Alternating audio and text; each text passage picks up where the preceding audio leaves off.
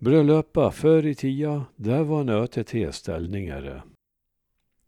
Idag är det inte så noga om man är gift eller inte överhuvudtaget. Det går ofta lika bra i alla fall. Men det ska få höras det gick till på 1800-tal uppe i Klarälvdalen. Det var grejer det. Värmlandsbygden den 22 oktober 2009. Gamla tiders bröllop i Klarälvdalen var storslagna och minnesvärda. Särskilt gällde detta förstås bondesamhällets mer besuttna del, men samtidigt var det i den gruppen bröllopen kunde innebära de största tragedierna. Hos de som hade tillgångar i form av jord och skog var äktenskapet mer en ekonomisk uppgörelse mellan det blivande brudparets föräldrar avsedd att bevara och helst öka släkternas förmögenhet. Om de unga älskade varandra hade inte så mycket med saken att göra. Fattigt folk hade inte dessa bekymmer.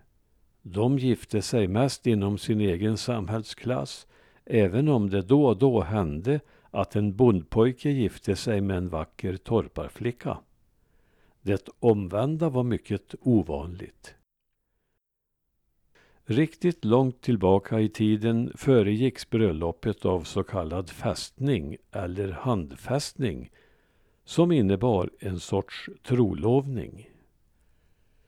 Denna var i princip att jämställa med äktenskap och många par nöjde sig med detta även om allt fler med tiden gick till prästen för att också få Guds och kyrkans välsignelse. När tidpunkten för bröllopet var bestämd växlades fästegåvor, som motsvarade senare tids förlovningsringar, mellan blivande brudgum och brud, men även mellan deras föräldrar. Bröllopet var ju i hög grad en föräldraangelägenhet. Den blivande brudgummen fick vanligtvis en brudgumsskjorta i lärft, kanske också brudgumsstrumpor och brudgumsväst, medan den blivande bruden kunde räkna med att få brudsjal och handskar, psalmbok och diverse smycken i en vackert snidad ask. En tid före bröllopet hölls så en liten fest som kallades utdräck hos brudens föräldrar. På den festen var prästen med och tog på de ungas vägnar symboliskt avsked av föräldrarna. Till bröllopet i kyrkan bar det med ett stort följe. Alla som var med hade i förväg blivit bjudna av en särskilt betrodd person som gått runt i gårdarna och bjudit för bröllopsparets räkning. Först red brudridarna oftast husarer i uniform.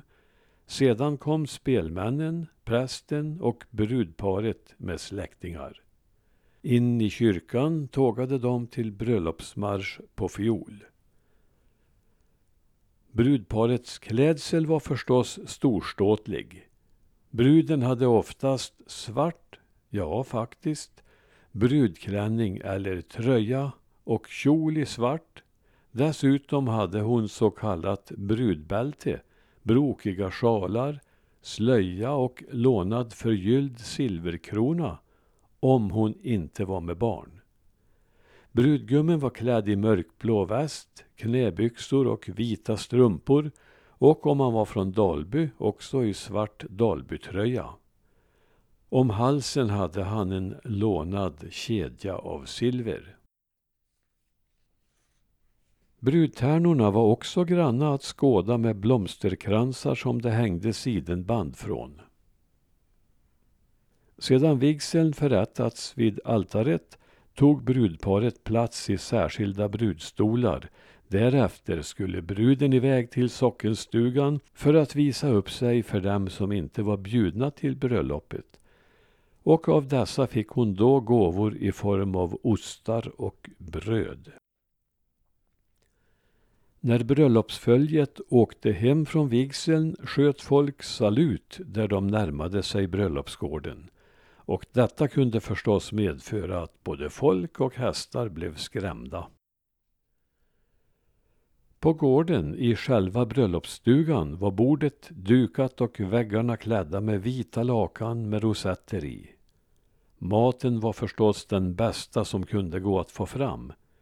Även gästerna hade haft med mat i korgar och brännvinet flödade. Varje ny maträtt som bars fram spelades in med musik.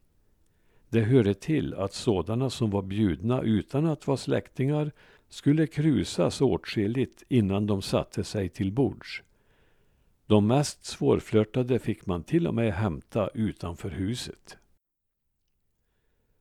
I taket ovanför brudparets plats hade ett lakan satts upp som en tronhimmel med band och färgglada silkesdukar och på bordet framför dem ställdes en skål, brurskål, där gästerna skulle lägga pengar till bruden för att få dansa med henne.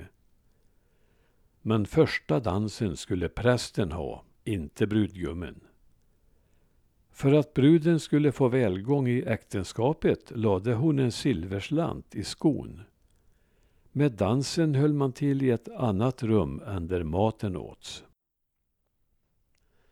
När så alla hade dansat med brudparet gick det över i allmän dans och då hörde det till att bygdens ungdom fick tillträde.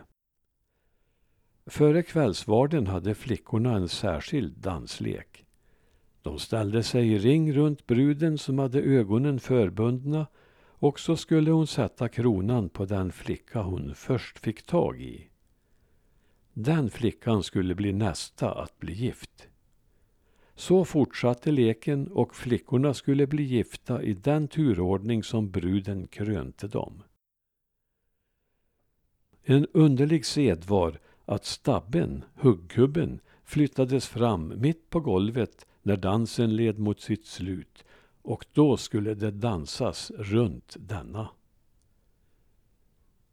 Fram på kvällen hände det oundvikligen att somliga blev kraftigt berusade. Dessa flyttades då över till en annan stuga där de fick fortsätta festandet med egen spelman. Förståelsen var stor vid dessa festligheter. Spelmännen fick sin belöning från en särskild spelmansskål som sattes fram, dit de dansande fick lägga pengar.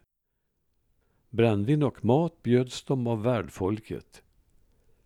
När gästerna lämnade bröllopsgården hade de ofta matrester med sig hem så att alla som inte kunde komma med till bröllopet skulle få smaka.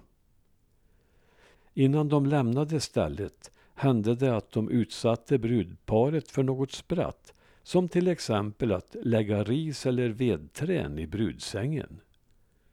Detta kunde bli något att skratta åt när man kom åter för att fortsätta festligheterna dagen därpå. För det hörde till vanligheterna att bröllopsfesten fortsatte i dagarna tre. En vacker sed var att brudparet reste till kyrkan söndagen efter vigseln och där skänkte pengar till de fattiga i församlingen.